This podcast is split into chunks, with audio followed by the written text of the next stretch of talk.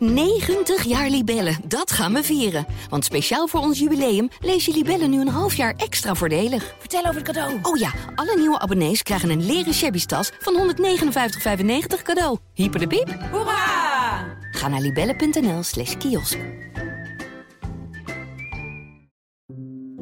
Hi, mijn naam is Corine Kolen en je luistert naar De Liefde van Nu.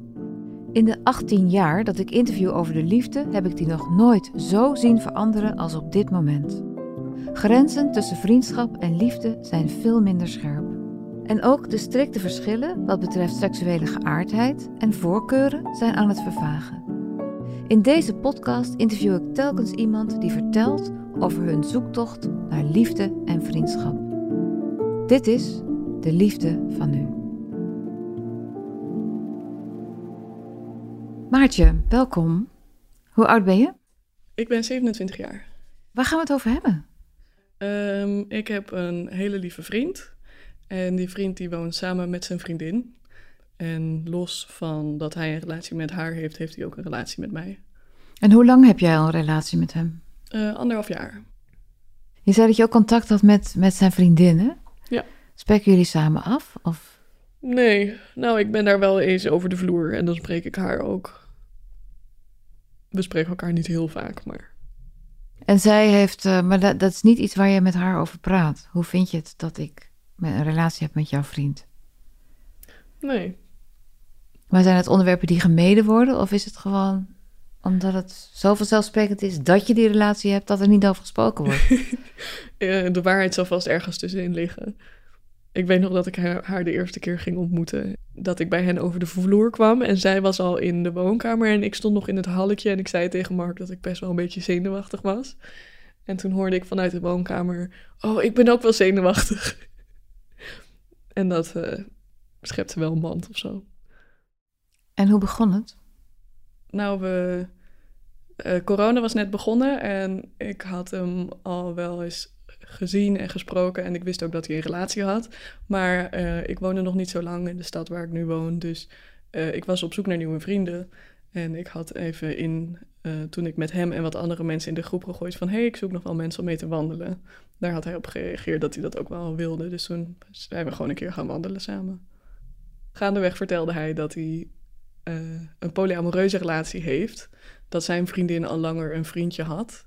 Uh, en volgens mij de tweede wandeling hebben we gezoend. En daarna zijn we gewoon meer tijd met elkaar door gaan brengen. Wat is er leuk aan hem? Uh, hij is hartstikke lief. Hij is heel fijn om tegenaan te zitten. Hij is heel grappig. Hij is gewoon echt heel erg leuk. Ik ben heel erg gek op hem. En hoe vaak zien jullie elkaar? Eén keer per week. En wat, hebben jullie dan vaste dag? ja, op zondag.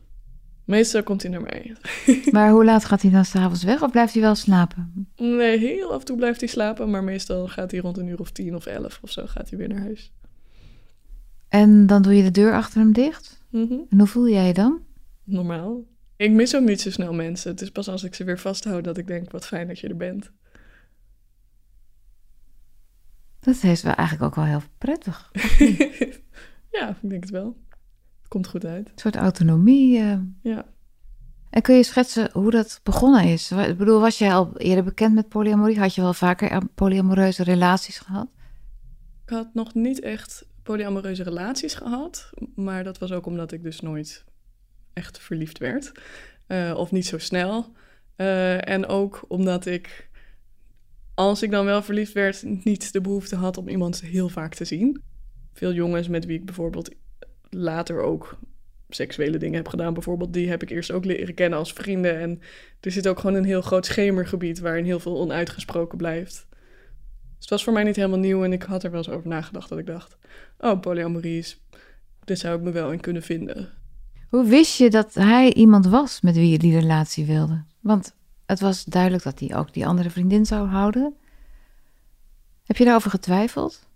Nee, helemaal niet. Nou, hij wilde dus al eerder een relatie met mij dan, en ik was nog een beetje aan het twijfelen. Maar hij, zei, hij vroeg dat van, nou, ik, ik zie dat wel zitten. En toen heb ik ook uitgelegd van, ja, ik, voel, ik ben nog niet echt verliefd. Uh, dat is wel iets wat, wat kan komen, want inmiddels wist ik wel dat ik ook gewoon wel eens verliefd kon worden. En um, los van verliefdheid ook echt wel heel erg van mensen kan gaan houden. Uh, dus dat hoefde voor mij niet een voorwaarde te zijn op dat moment. En ik uh, vond op zich ook het heel erg leuk om hem te zien.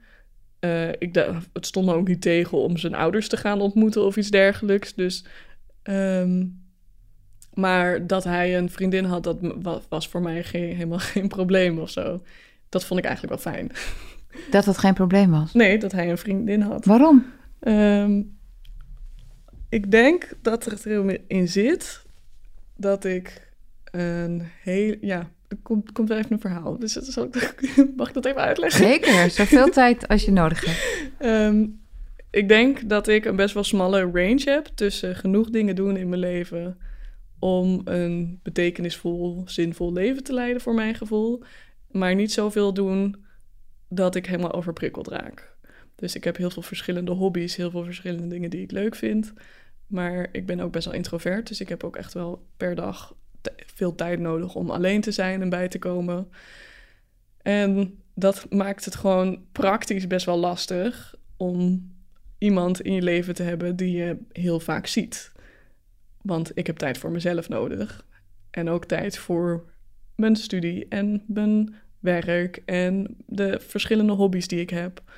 Ehm, dus zoveel tijd kan ik eigenlijk niet geven aan iemand. Uh, dan raak ik helemaal overprikkeld als ik iemand heel vaak zie. Heb je dat gehad? Heb je relaties gehad die om deze reden zijn uitgegaan? Uh, ja. Ja, nou, ik heb al vrij snel had ik door dat dat zo werkte. Dus dat was ook waarom ik altijd zei, ik wil geen relatie. Uh, ook omdat ik nog nooit verliefd was geweest. Maar op een gegeven moment werd ik wel verliefd.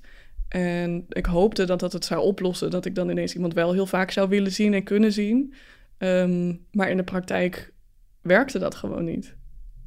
Misschien komt dat nog een keer in mijn leven. Dat ik de persoon vind waarbij het ineens ontzettend makkelijk is om die persoon zo vaak te zien. Uh, dat ik helemaal opgeladen daarvan wegga. Dat ik alleen nog maar met die persoon door wil brengen. Dat zou kunnen. Uh, maar het kan ook heel goed niet gebeuren.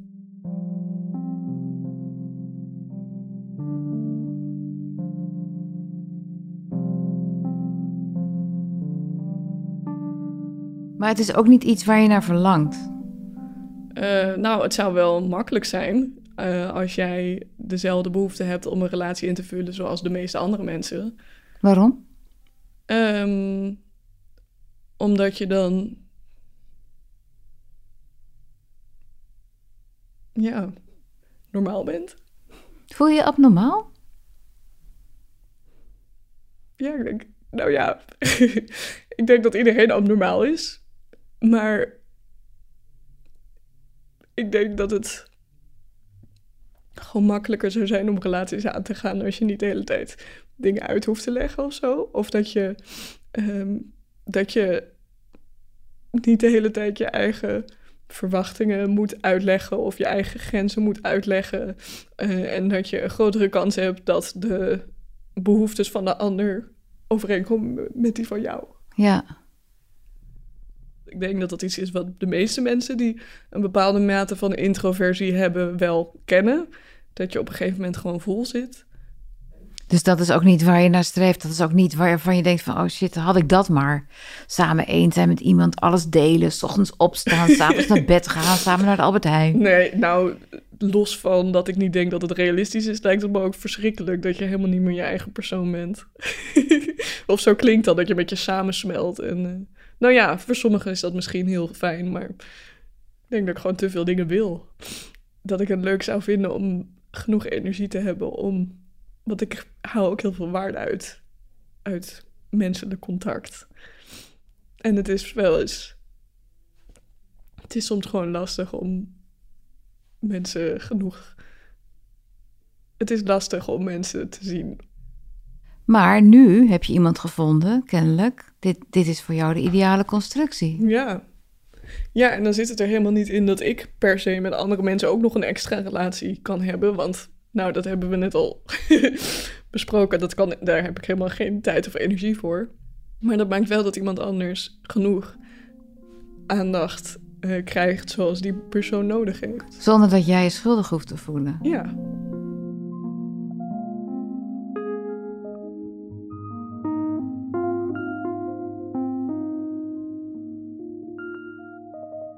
En eh, heb jij het idee dat, dat, dat... Hoe kijken anderen... Vind je het belangrijk hoe anderen naar je relatie kijken? Ehm, nou, rationeel gezien niet. Want het gaat erom wat ik vind van onze relatie en wat hij vindt van onze relatie. Ik vind het leuk als er mensen om me heen het begrijpen of blijven voor me zijn. En dat zijn ze over het algemeen ook wel. Begrijpen ze het? Ehm, tot op zekere hoogte. En zijn er, zijn er veel mensen die je niet begrijpen?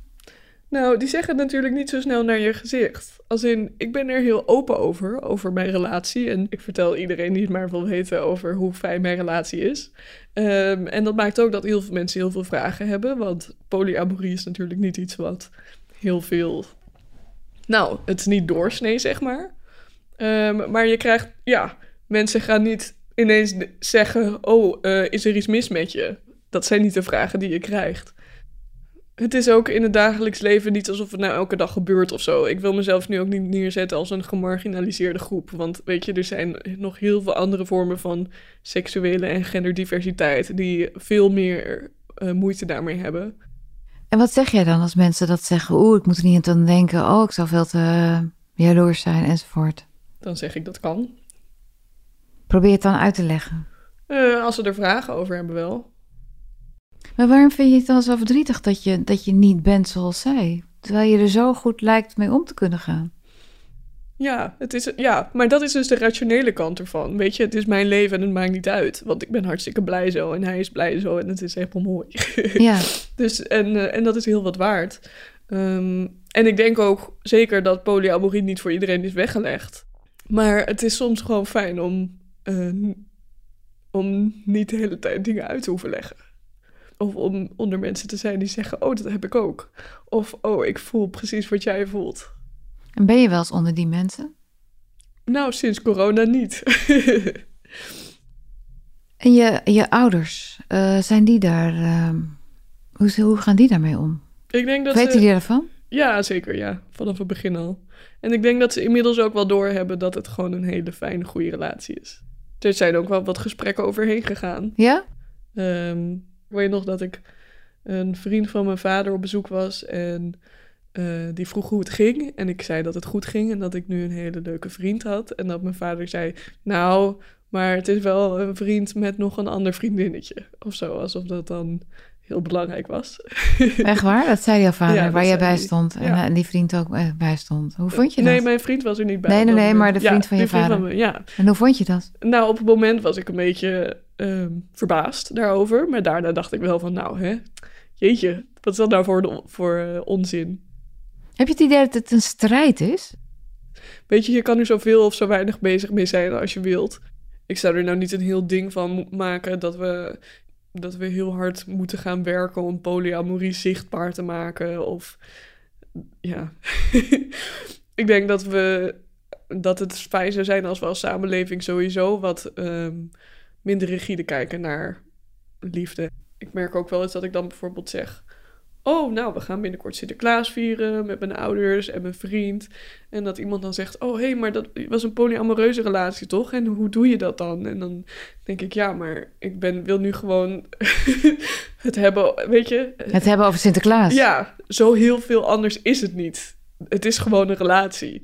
Uh, maar daar word ik wel activistischer van. Dat ik denk, ja jeetje, uh, iedereen zit in een keurslijf van hoe liefde zou moeten zijn. En dat is uh, heel erg jammer, natuurlijk. Maar voor mij is het ook wel irritant. En wat is dat keurslijf dan, volgens jou? Dat je een monogame relatie hebt. Een monogame hetero relatie hebt. Dat je misschien nog een keer met iemand anders mag zoenen. Maar veel meer dan dat ook niet. Je mag ook niet verliefd worden op andere mensen. je moet die persoon voor de rest van je leven willen hebben. Uh, je neemt je relatie dan altijd mee naar je familie, naar alle familiefeesten, want je bent samen onderdeel van een stel en een team. nou, in de praktijk uh, is, klinkt het allemaal heel erg mooi, maar is dat voor heel veel mensen, ligt dat gewoon net even iets anders.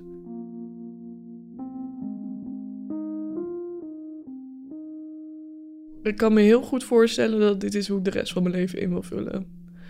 Uh, mocht dat op een gegeven moment anders zijn, dan hoop ik dat ik niet zo activistisch ben. Uh, dat ik vast blijf houden aan een levensvorm die op dat moment dan toch niet meer voor mij werkt. Maar, uh, nou, tien jaar geleden was het al zo. het lijkt me niet raar als het over tien jaar nog steeds zo is. Helpt het dan als anderen begrijpen dat je op deze manier wil leven? Of denk je dat dat ook iets is waar je op een gegeven moment ook weer overheen groeit en denkt, nou, kan mij het schelen verder wat anderen ervan vinden? Nou, ik kan me wel voorstellen dat naarmate je ouder wordt, je meer scheid hebt aan dingen. Dus uh, ik weet ook dat ik nu al minder bezig ben met wat de anderen van me vinden dan vroeger. Dus dat zal vast wel iets zijn wat nog verder afneemt. Is dat waar je naar uitkijkt? Ja, het zal wel handig zijn, denk ik.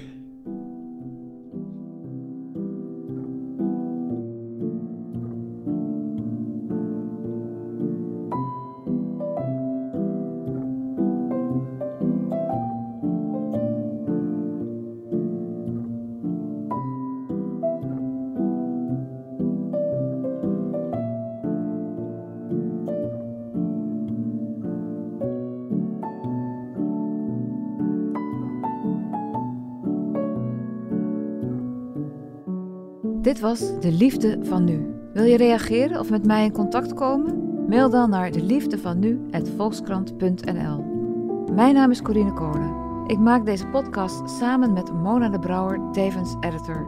Eindredactie en coördinatie is van Corinne van Duin en de begin- en eindmuziek is gemaakt door Juriaan de Groot. Dank je voor het luisteren.